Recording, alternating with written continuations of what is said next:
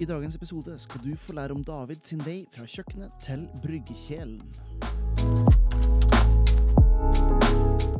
Hei og velkommen til Ølprat, podkasten som leverer entusiasme og ølkunnskap rett i øret ditt. Mitt navn er som alltid Jørn Idar, og dagens episode har logget i spilleren en liten stund. Jeg må innrømme deg at det er travle dager, både med ny jobb, oppstart av Ølsirkus AS og generelt eh, mye action som skjer, men eh, endelig så er det klart for en ny episode av eh, Ølprat. Så jeg vil egentlig bare si takk for at dere holder ut i den uh, uendelige stillheten som har, har vært. Uh, det er mye spennende som skjer, det skal sies. Uh, eventer, smakinger osv. videre. Og så har jeg jo begynt med det her studiet med Fagskolen i Viken, der jeg lærer på produksjon av øl, mjød og sider. Og det må jeg bare si, da. Jeg er jo der for ølet sin del, men jeg har blitt frelst på sider, så jeg har kjøpt inn utstyr og er klar til å sette i gang litt sidermakeri, faktisk, eh, nå. Men jeg tenker at eh, nå er det nok eh, babbel. Det er på tide å fylle kaffekoppen, eventuelt glasset, med noe høyt skummende, og lene tilbake for denne episoden av Ølprat. Da eh, sitter vi på en ombygd eh, gård, som er kanskje noe av den vakreste som hele Lier har å, å by på, med eh, altså, et område som er naturskjønt, og, og, kanskje viktigst av alt, som er fylt av eh, øl. Vi sitter på Svensefjøset, eh, og i dag har vi med David fra Disco Brewing for å prate litt om øl. Velkommen til Ølprat, David. Takk. Eh, altså, for et, for et område vi sitter rundt. Ja, her Altså, vi har indrefileten i, i Drammensdistriktet, vil jeg si. da Ja. Vi har liksom, vi har elva rundt gården, og det er fint her, da. Ja. Jeg skal innrømme det. Ja, det det. Du, eh, skal jo ikke hoppe til slutten, her, men, eh, men vi har snakka litt tidligere om at du driver og jakter. Og det, det, er jo, det har vært fristende å ta med seg børsa kanskje i, i nærheten her også. Selv om det er litt, kanskje litt vel mye hus rundt om forbi. Vi, vi kan i teorien jakte her. Eh, duer og fasaner og ender flyr over og sånne ting. Men eh, det klør litt i fingeren når eh, rådyra går forbi bryggeria. Jeg skal innrømme det. Men eh, jeg veit ikke helt, jeg. Er- For et par uker siden så gikk det liksom et par uh, rådyr, og bukk og sånne ting forbi. Så det er liksom det er fint å ha dem òg. Ja, ja det er sant. Men altså, vi må jo spole hele, hele tilbake. Eh, Sånn litt sånn, hvem er du, David? Vi, vi har snakka litt om det her et par ganger tidligere. Jeg har vært, jeg har vært så heldig å fått vært her ganske mange ganger. Både å, å fått vært med å brygge øl sammen med lokalbrygg, og vi var og tok bilder til øl hele året med, med Staysman. Eh, Men eh, noe av det som, som jeg og du har til felles, da, eh, er jo det at eh, du kommer også fra en kokkebakgrunn. Hvor, hvor starta interessen for, for mat, egentlig? Ja, det må ha begynt i barndommen, tror jeg. Eh, jeg husker Bestemor og bestefar drev gård i Danmark. Og bestemor var en sånn klassisk eh, hustru på, som bondekone.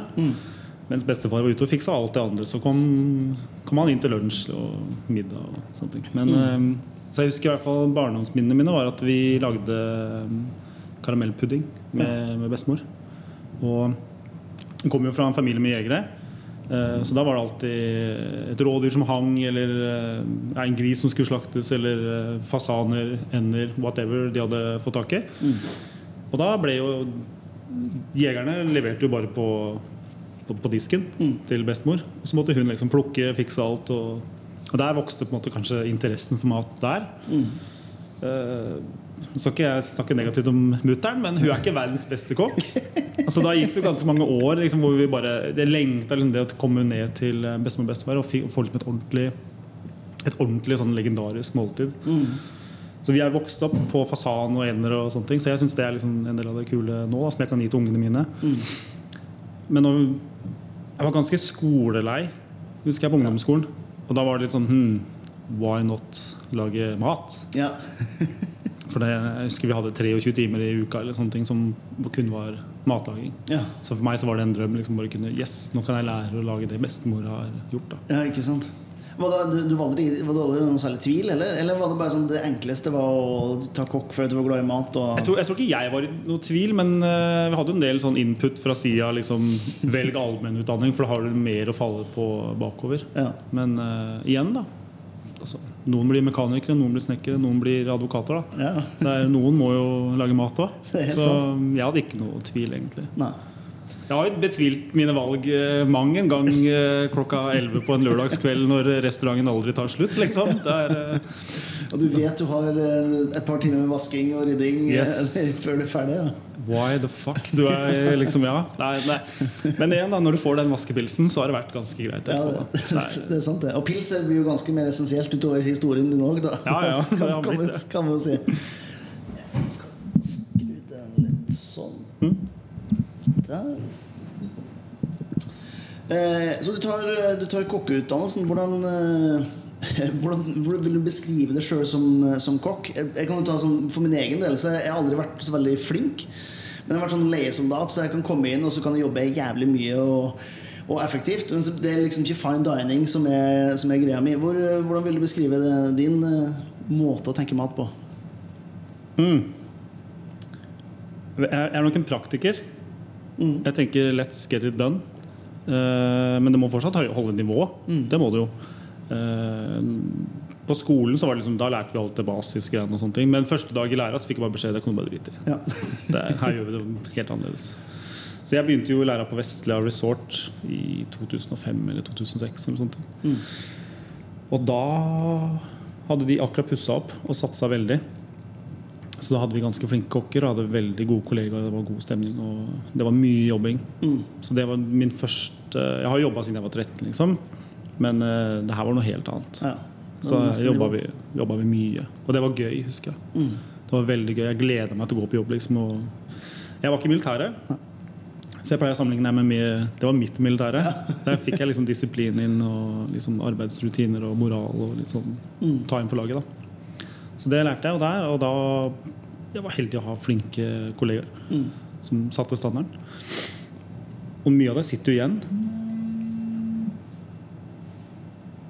Og da blei jo egentlig det til standarden etter hvert. da Mm. rett og slett.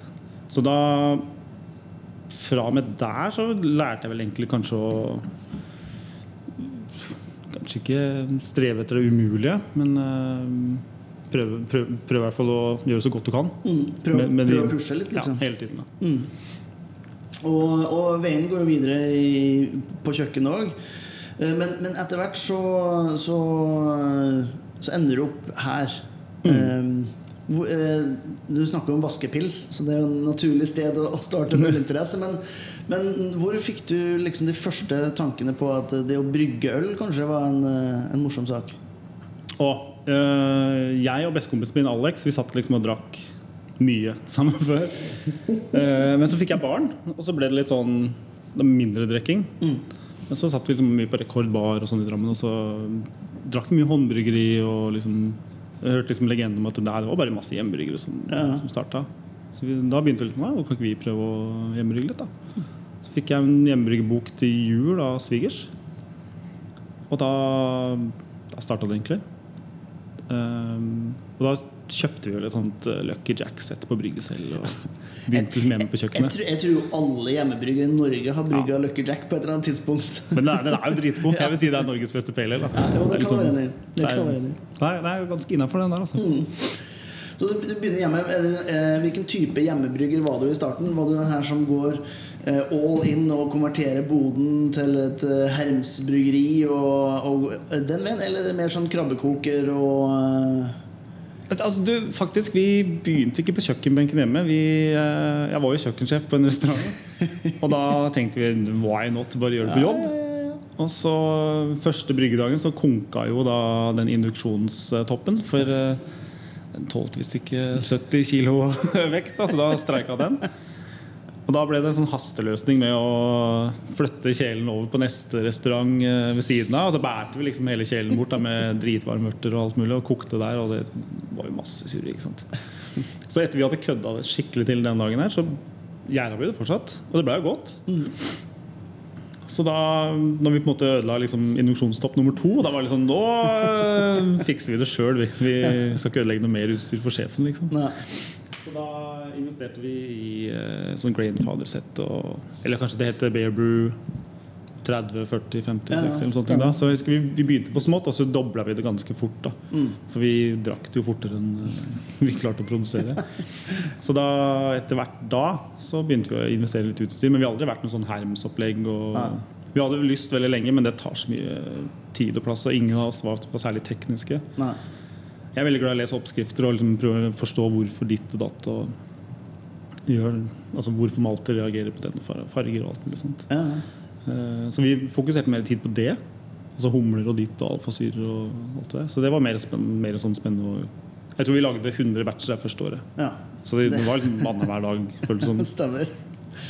Men eh, når jeg kjøpte meg hus, da, da fikk jeg bryggerom. Ja. Men de hadde fortsatt bare to grainfader og en eh, spiralkjøler og diverse kjøleskap. Jeg liker det bare, men det er likevel er en del, det, altså. Ja, men nå ser vi folk har jo investert hundretusener i garasjer. Og liksom den bygger jo opp Se på Hoprod, eh, for eksempel, for dere Ja, ja. hjemmebyggere som på Instagram. liksom Han der Hoprod Garage. Det er jo Ja, ja, øl, øltid som har eh, Kan skifte Ja. lys og Nei, det Det er jo mer automatikk der enn vi har nede på det proffe, liksom. Så det er, eh, nei, noen tar det jo enda lenger. ja. Men nei. Holdt det forholdsvis low-key når, når du starta, ja. ja, altså, vi gjerda i plastikkbøtter og sånne ting fortsatt. Men mm. vi har aldri vært noen sånn super techno-nerds. Nei. Okay. Men, men det er jo et ganske stort steg da fra, eh, fra å brygge hjemme, eh, selv om man har et bryggerom, da, eh, og så ta det i en, en kommersiell eh, ja, altså og slett gjøre det kommersielt. Hvor, hvor, hvor kom, eh, hvordan skjedde det egentlig for din del? Fikk barn, og da bytta jeg jobb eh, til en mer sånn administrativ eh, kjøkkenstilling. Og det fungerte fint, det. Og så til slutt så begynner du å klø i fingeren at du har lyst til å gjøre noe sjøl. Så var jeg ganske Jeg var ikke lei av å lage mat, men jeg ville i hvert fall prøve noe nytt. Prøve å utfordre meg på noe annet. Og så drev vi og brygga veldig mye, og så var det litt sånn Fikk gode tilbakemeldinger her og der. Og sånne ting hvor litt sånn Dette burde du gjøre eh, fulltid.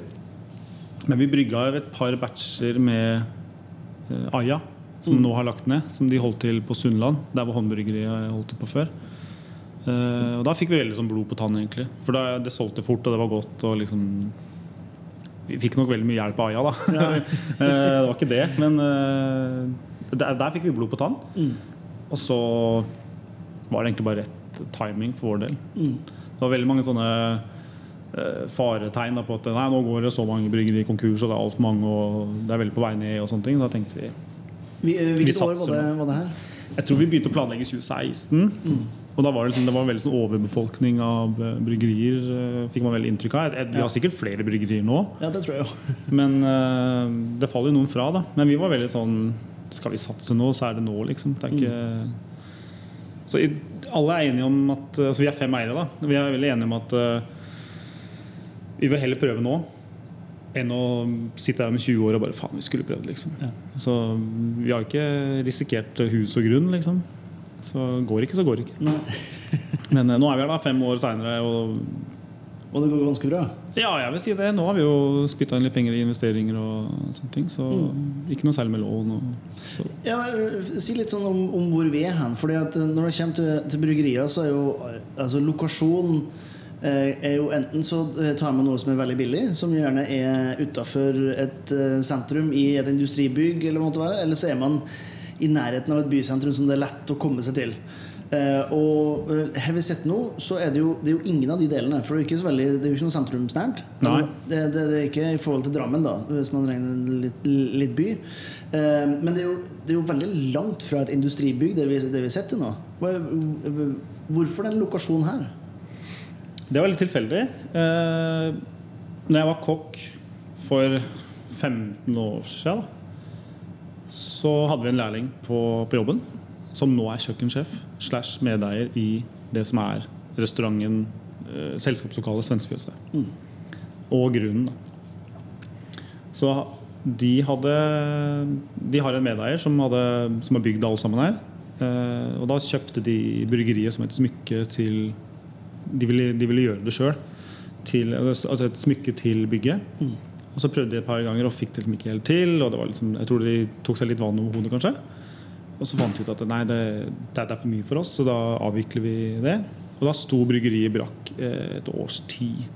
Men da hadde de spurt oss et par ganger liksom, Kan ikke dere komme og se. liksom da, da var det egentlig bare mer sånn at jeg og Alex da kunne komme hit og brygge litt og eksperimentere litt, lære bryggeri og eventuelt bare selge produktene våre her. liksom Men så blir det litt sånn Ja, vi, vi må ta steget. Og da, da blei det til at vi flytta inn, da, rett og slett. Så bryggeriet sto jo her fra før. Og det kommer nok til å stå her etter oss også. Ja. Det er, eh, det er, ganske, det er ganske svært å flytte. Det er, de har brukt eh, ganske mye penger på å installere det sånn som det er. Det kunne vært gjort mye enklere installasjon, men nå er i hvert fall bryggeriet et smykke i selskapslokalet. Mm. Så litt mer upraktisk enn det man burde hatt. Men det, er, det hever jo rommet. Ja, ja det, det vil jeg absolutt si. Det er jo, en, det, det er jo hele det her, Den gården er jo bygd om og pussa opp noe, noe, veldig. Det er jo noen sånne her attention to details her som Mm. er helt, eh, helt hinsides, egentlig. Eh, hvordan, er det å, hvordan er det å jobbe med, med, altså med noen som eier et sted som, som har putta inn så mye energi og, og penger i, i det? Funker, funker det godt, eller føler man at man er litt sånn på besøk hos noen? Det er liksom både og. Du viser jo respekt eh, Altså Vi må jo vise respekt for, for bygget. Eh, absolutt. Og så er det jo det å holde liksom, verdigheten til eiendommen oppe. da Ikke rote her og der. Og liksom, det, er, det er veldig lett å bare sette en eh, dunk med malt ute på gården der og vente på at noen kommer og plukker den opp. Men det tar deg liksom bitte litt mer energi å bare sette den til side så det er pent. For eksempel, det, er, det er sånne ting. Det er holdninger, rett og slett. Men det er akkurat det samme som å ta på seg kokkeuniformen og gå ned til bankettsalen. Liksom. Du går ikke der med møkkete kokkejakke da, liksom. Så det, det er litt sånn, det, det, er, det er holdninger hele veien. Men det, sånn er det med det meste, tenker jeg. Ja, ja det, det burde være sånn det meste, i hvert fall. Ja. Så jeg er ikke noe prima eksempel. Jeg kommer jo på jobb i shorts jeg, hvis, jeg, hvis det er varmt. Liksom. Det er ikke noe Det er ikke noen sånne holdninger. Men eh, det er veldig sånn low-key her. Altså. Han som eier eiendommen, han driver jo med graving. Og er entreprenør og graveselskap. Så dem kommer i kommer i refleksvest. De, altså. det, er ikke noe, det, er ikke noe, det er ikke noen feilsmekkere. Liksom, sånn sett. Kanskje ikke på, på jobb, men på, på fritida så er de nok ganske avantgarde. Ja, ikke sant? Dagens episode er presentert av Ølsirkus, altså meg sjøl. Ølsirkus starter for å kunne dele ølglede og kultur med alt fra profesjonelle bartendere til den menige mann i gata. Så hvis du har lyst på kurs eller et event, så ikke nøl med å sende meg en e-post eller en DM, så skal du se til at vi greier å få opp sirkusmanesjen hos deg. Nå er det på tide å gå tilbake til ølprat. Så dere, dere får egentlig eh, komme inn i et nøkkelferdig bryggeri, som jo er en luksus som er vel forbeholdt nesten ingen i, i Norge.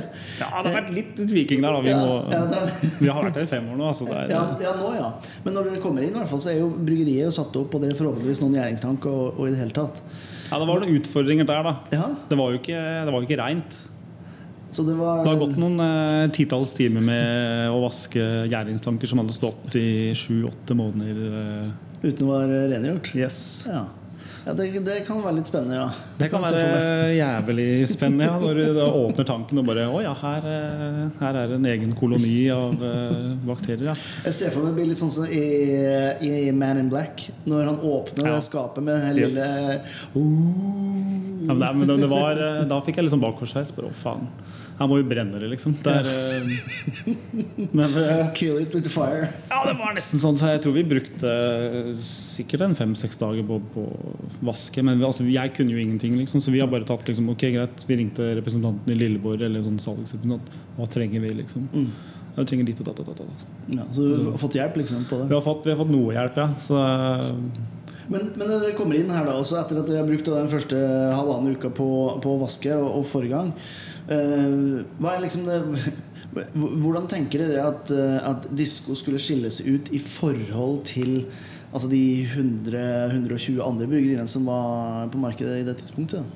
mm, Det var et veldig sånn tidspunkt hvor alle skulle lage mikrobryggeriøl. Vi var litt sånn Kan ikke vi bare gjøre vår greie? Vi er glad i lavalkoholøl. Spesielt jeg, da, som har barn. Eh, og drikker veldig lite, egentlig. Så jeg vil ha et sånt, sånn gressklipperøl. Jeg er veldig glad i lav alkohol, mye smak.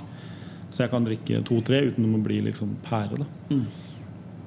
Så det var, egentlig, det var egentlig hele ideen bak eh, liksom, vårt ølkonsept. Og det syns jeg vi har holdt oss ganske fornuftig innafor. Vi lager liksom sterk øl òg, men det, det, meste vi lager, er liksom lav alkohol.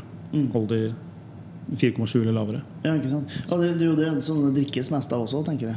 Ja, det, ja, det er jo også én ting, men jeg vet ikke, sånn mikrobrygg det er veldig, veldig digg med en 6-7-8-9% IPA. Men jeg blir full. Ja. Så jeg vil heller drikke to 4,7 enn 1,9. Mm. Det, er bare- det er bare meg, da. Men øh, det virker som det har fungert ganske greit. Ja. Ja, det, det, det, det vokses jo, det, men, men hvor kommer det her disko, fra? Du har jo for øvrig kanskje det kuleste ja, Topp tre kallenavn sjøllaga kallenavn, kanskje, med, med Disko-David. Okay, ja, okay, det, svinger jo, det svinger jo bra, men, men hvor kommer det her Disko Brewing? Hvorfor, eh, hvorfor akkurat det navnet? Vi er fem, øh, vi er fem medeiere som alle liksom, har tilhørighet til øh, Strømsø-området i Drammen. Og Da er det naturlig at alle heier på Strømsgodset. Så når Godset scorer mål, så synger jo liksom fansen 'La oss danse disko'. Så da var det liksom, vi vil ha den disko-feelingen. Så når vi veit at vi danser disko, så er det fest. liksom Ja. da, da vinner vi. Det, var, det har vært dårlige perioder øh, nå, men nå, nå er det ikke så halvgærent. Altså. Det begynner å komme seg, ja. Ja, nå tror vi vant 6-0 av vi er øh, forrige uke. For et par dager siden. Så Så det går rett vei. Nå er vi på rett vei. Og de vant jo, de slo oss i åpninga, men altså, vi er, vi er fem, fem godsgutter, egentlig. Og det er der det, der det kommer fra. Ja. Så det er egentlig det er den La San Francisco-feelingen vi er ute etter. Ja. Så, så har vi jo sånn tilhørighet at alle møttes jo liksom på, på Record og Kings og sånne ting før match. Og liksom, sånne ting. Og en av medierne våre har jo til og med vært eh, eh, hva heter det, supportleder for, for Godsunionen, som er en tilskueren, eller heter det, Ja, supporter, supportergruppa til Godset. Mm. Så han har jo vært en av de eh, som virkelig har dratt i gang Godsunionen. Mm. Så det der, der kommer navnet ifra. Ja, ja, ja. Det var, det var ikke noe tvil om noe annet. Nei. Og det, og så, dere setter jo, setter jo i gang da i Hvilket år var dere Vi begynte å planlegge sånn 2016, men vi flytta vel inn 2017 november. Mm. Og så da, da begynte vi å sende søknader til eh, det statlige. Og da fikk vi jo ikke svar innenfor fristen, egentlig, så vi måtte purre. Og da var det en feil med en e-post de ikke hadde sett. da Ja. Så da begynte vi hele prosessen på nytt. Da. Så da tapte vi liksom tre måneder der, da. Men eh, sånn er det vel innimellom. Ja. Så da begynte- Byråkratiet. Ja, det er byråkratiet. På godt og vondt. Alle behandles likt. Ja. Det, er, det er det deilige med Norge. Da, at alle, alle blir behandla like dårlig. Mm, ja, det, det, er det er i hvert fall en, en fin måte hvis man ikke har fryktelig mye penger å kan betale noen for å komme først i køen. Ja. Så er det en, det er en bra, Det er bra deilig. Alle blir behandla likt. Men eh, det, det er fair, det. altså Men feil kan skje. Men eh, greit, det kosta oss noen måneder med, med husleie og lån og det der. Kanskje ikke lån, men uh, lønn. Ja. Uh, og så begynte vi da å selge i mai 2017. Mm. Nei, vet du. Det ble 2018. 2018. 2018. Mm. Og det er hovedsakelig 4,7, og da har dere egentlig holdt dere på sida egentlig de siste fem åra. Ja. Så det mesteparten, i hvert fall. Det dere, dere har fått et par listinger på, på Vinmonopolet og sånt også Jeg har gjort en anbud eh, og sånne ting, og solgt det greit. Og, men jeg, jeg føler meg veldig komfortabel med liksom 4,7, for da kan vi ha det i utsalget. Vi kan selge på Gulating, Lokalbrygg, Meny. Så alle de lokale butikkene her. Liksom. Det, er, det er mye enklere Ja. for vår del. Ikke sant? Og, men, men dere brygger jo ikke bare for dere selv. Du nevnte jo Hot Rod her i, i sted. Men som, eh, som, så dere gjør jo en del brygging for, for andre. Hvordan, eh, hvordan funker det? Er det sånn at eh, de kommer til det, og så ser de på menyen, og så får, får kokken David bare lage den retten som de, de skal ha? Eller hvordan, hvordan funker et sånt kontraktsbryggsamarbeid? da? Altså, vi, har, vi har to måter å se på det. det er, enten så er det et samarbeidsbrygg. Da er det liksom med Sånn som Hoprod og eh, Old Oak, da, som da blir Devil Project. Når vi tre lager øl, så kommer de gjerne med sine ideer. eh, og så tar vi gjerne og bare, skal si, Dette er mulighetene vi får til. Liksom, hvor langt kan vi presse det? Hvor mye humle skal vi ha? Liksom, forhandlinger fram og tilbake. Eh, ikke forhandlinger, men mer diskusjoner. Og så er det egentlig, lager de eh, to-tre testbatcher, kanskje én eller to-tre hver. da Og så setter vi oss ned rundt, eh, rundt et bord, og så smaker vi, tar vi notater og så fører vi opp det beste fra, fra den batchen til den batchen. Ønsker vi liksom humleprofilen på den og dette? Mm. Hvor mye mango puré har du brukt i den? Liksom? Hvor mye laktose? Malto? mm. Og så, blitt, så blir vi enige. Men da, men da lager vi Devil Project-øl uh, sammen. Mm. Og så har vi kontraktbrygg, som bare er rett og slett F.eks. Eh, Bygeland bryggeri brygger jo veldig mye her. Uh, og da kommer de med oppskriften sin og vannprofil og humleprofil og alt det. Og så sier vi liksom greit, dette er det vi får til. Liksom, skal vi justere noe her? Liksom, noen ganger vil kunden ha mye mer malt oppi enn det vi har plass til. Mm. Og da, da, må vi gå på kompromiss på noe vis. Enten så må det endres totalt, eller så må de subsidiere med noe sukker eller diverse. Mm. Eller så må vi rett og slett brygge eh, dobbeltmesk og sånne ting. Så når Malo Bobo er her, så er det lange dager. det, de skal gjerne presse det så langt det går, pluss det dobbelte. Ja. Ja, okay. det, vi, vi, får det til til slutt, men det er, det er, lange dager og det er krevende oppskrifter. Mm. Men resultatet blir uh, dritbra. Ja, det er Norges høyest rata bryggeri på, ja. på Tapt, i hvert fall. Så, så noen Noe bra har de gjort, ja. Er du gæren? Nei, de er, uh, Geir og Marius er helt Det er knall firer, og det er de, de, strekker strikken langt. Men mm. de, de, er realistiske, da. Ja. De ser jo liksom at greit, vi får ikke plass til 1000 kilo korn. Da må vi gjøre det over to dager. Ja, ikke sant? Eller to, to batcher. da mm. Så eh, vi, vi, treffer jo hverandre der, da. Ja. Men det er, det er, bare fysiske restriksjoner. Ja, ikke sant? Sånn Men vi klatrer jo opp, putter opp hva skal jeg si, humlesekker med, eller humleposer med, med kaffebønner kverna ti minutter før. Liksom. Er, vi strekker oss langt liksom, for å få produktet helt, helt, helt spot on. Ikke sant? Så jeg syns de produktene vi har lagd for de, og med de, selvfølgelig, har jo vært eh, helt knall. Mm. Så. Ja, det er litt sånn spørsmål For det er jo alltid en, en ting som jeg syns er interessant å snakke litt om. Det, føler du at noen erfaringer fra kjøkkenet som du har tidligere, noe som du kan dra med deg inn i, i brygginga? Har du, noen, har du en kokkementalitet når det kommer til, til brygging? Absolutt. Det, er, eh, det, handler om balanse og respekt for råvarene. Så det er eh, vi, vi, prøver å gjøre det beste, vi, altså det beste vi kan ut av det vi har. Mm. Det er jo én ting. Og så er det da å finne liksom, okay, greit, kombinasjonen kaffe, sjokolade, ditt og datt og sånne ting. Og balanse, sødme, bitterhet. Mm. Sånne ting. Så det er, det er, mye sånn som henger igjen der. Mm. Men igjen, alle, alle, alle, lager mat hjemme. ja. Men det er, liksom, det, er, det er, noen ting som bare skiller en proft lagd saus fra den kjøttkakesausen du kanskje får hjemme. Mm. Det, er liksom, det, er, er flere lag som liksom kanskje kokken får til, kontra husmoren. Ja, ja, det er sant. Ja, det er jo sånn med brygging også. alle, alle brygger øl hjemme også, men det er veldig få som uh, leverer på en sånn kvalitet som uh, man tenker bare Oi, shit, jeg kunne vært brygga på disko, f.eks. Jeg kan godt bytte bremse på bilen min, liksom. Ja. Men jeg stoler med på svogeren min som er mekaniker. Det er uh, En solid, solid sammenligning. Det er litt sånn, ja. Men Nei, da fader. Det, er, det handler om respekt for råvarene. Mm. Til slutt Få ut mest mulig av det du har. da mm. Eh, det har jo vært eh, en fem år eh, ganske travel reise. Vel, jeg tror det her faktisk er første gangen jeg, jeg var her for første gang for sånn to-tre år siden. Eh, og det her er første gang at jeg har kommet inn på bryggeriet, og det har vært noen andre enn du mm. Eh, som har vært her og, og jobba på bryggeriet. Eh, så det har vært litt sånn one man-show der du har gjort det aller meste fra Jeg bare går ut fra nesten alt fra økonomi til vasking og alt midt imellom. Men, men det, det, går jo Det virker som det går ganske, ganske greit for dere med piler som går, går oppover og i hele tatt. Dere har akkurat fått eh, en ny eh, boksmaskin, så dere mm. er ikke avhengig av å få tappa hos Heidrun lenger. Som dere har fått gjort eh, Vi skal nok samarbeide litt med Heidrun framover en stund. Mm. Jeg kan jo ikke tappe aleine, liksom, sånn sett. Men tanken er at vi skal få en, en, en, brygger på fulltid. Nå har vi jo en hjelper nede. Mm. Men det har ikke vært noe one man-show helt sånn. Det, skal jeg ikke skryte meg, for jeg har jo en veldig tålmodig forlover eh, hjemme. Mm. Eh, så hun og de to barna jeg har, de er veldig tålmodige. sånn sett ja. Og så har vi jo en regnskapsfører der. Men, eh, men, ellers enn det så har jeg gjort alt sjøl. Ja. Men jeg er veldig takknemlig for den hjelpa jeg har fått. da mm.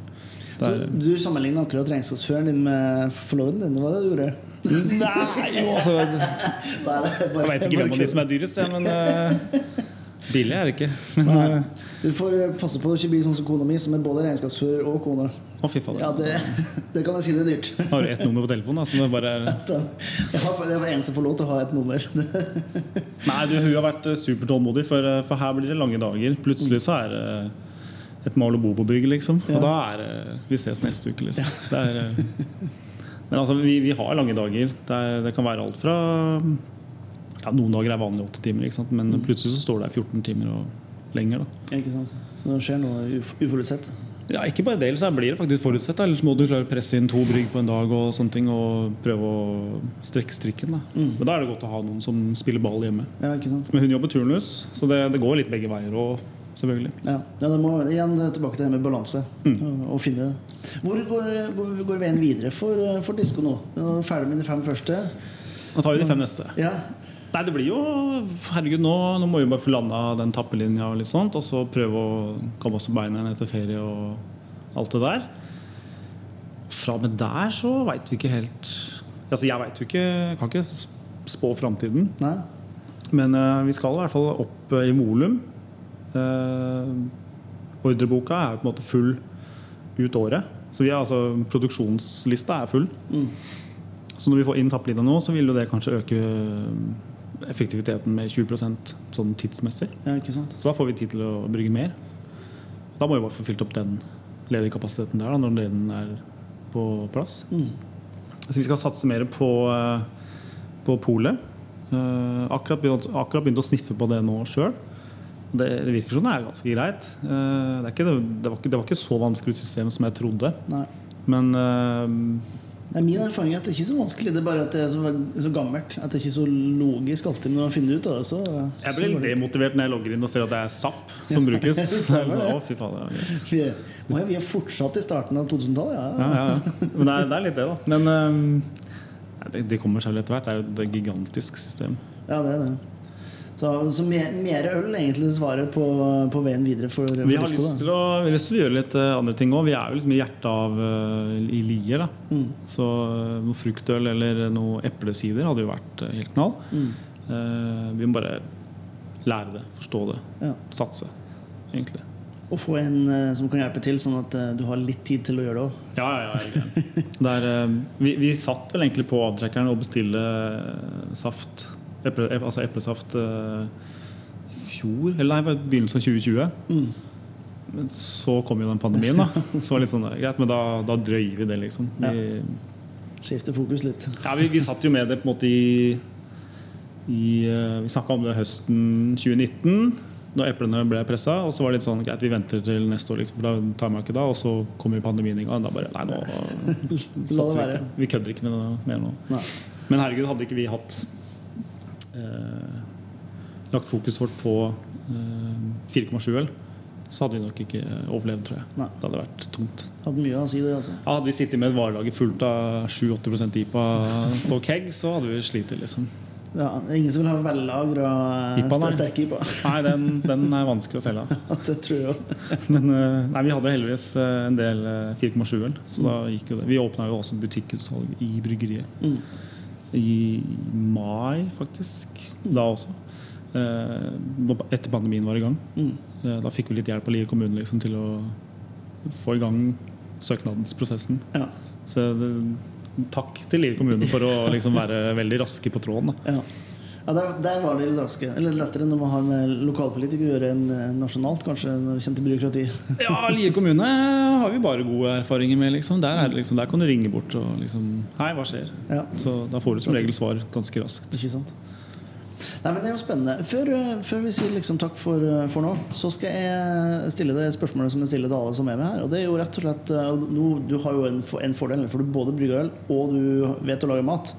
Så spørsmålet er slett hvis du skulle ha valgt en, eh, en, en meget god øl- og matkombinasjon eh, akkurat nå. En, en torsdag, en forholdsvis vanlig torsdag, det er sol ute, 20 grader og i hele tatt. Hva, hva ville du ha valgt eh, å spise i, i dag med øl og mat? Åh, I dag altså Det er litt uh, bra at du sier det, for jeg har uh, tatt ut uh, en del uh, spare ribs som jeg skal smoke. Og da blir jo det egentlig bare glaza på, på smokeren med en øl i hånda. Eh, så det blir en Åspils, faktisk, Ja, ja. i dag. for jeg er tom for Sonic.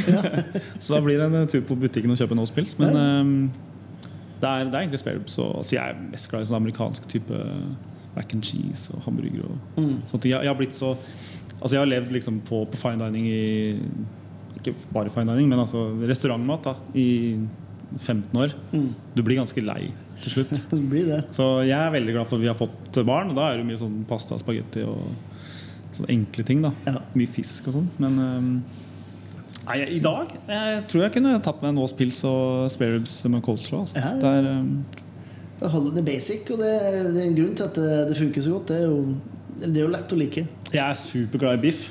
Så det, det går mye sånn biff og hjemmelagd bearnés hos oss. Mm. Det er en skandale at nordmenn ikke lager bearnés sjøl. Ja, ja. Det, det, det tar to minutter. Og det er skandaløst at folk ikke liksom bare har det i fingrene fra hjemmefra. ja, det er sant nok. Og det er så enkelt. Det er, Ja, hvis, du skulle hatt, hvis du skulle hatt en biff og bearnés, hva ville du ha, gått for i glasset? en bayer. Ja. Jeg syns det er eh, helt knall. Da har du litt sånn bitterhet og litt sånn sødme. Så det, funker knall. Mm. Men jeg er også glad i Kinn, eh, vestkyst. eh, sånne ting Den syns jeg er god hele året rundt. ja. Men Men punchy. ja, det, ja det er, eh, den er noen, knepp eh, opp. Mm. Men det er, så er det godt med en belgisk øl i ny og ne, men eh, gi meg en IPA, så er jeg fornøyd. Ja. Det er eh, Sierra Nevada Pale Ale, liksom. Den, du, slipper, du kommer ikke unna. Nei. Ellers må jeg si min egen eh, Disco Navy Pale Ale. Liksom, det funker til det meste. Ja. Det er, liksom, det, det er sånn hverdagsøl. Mm. Nei, men Veldig bra, David. Da, da sier jeg egentlig bare takk for, eh, for praten. Og så får vi håpe at mange av de som hører på, og eh, benytter sjansen av å indirekte støtte Strømsgods ved å drikke litt mer diskoøl i, i tida Det går ikke mange av de kronene våre til eh, godset. Den forklarer seg sjøl. Men, men vi er i hvert fall veldig glad for eh, at godset gjør det bra igjen. Ja, ja. ja, men det er bra. Tusen, tusen takk for praten, David. var bare hyggelig. Tusen takk til David for en hyggelig ølprat, og ikke minst tusen takk til det som fortsetter å høre på Ølprat, Norges mest entusiastiske podkast om øl, mat og alt midt imellom.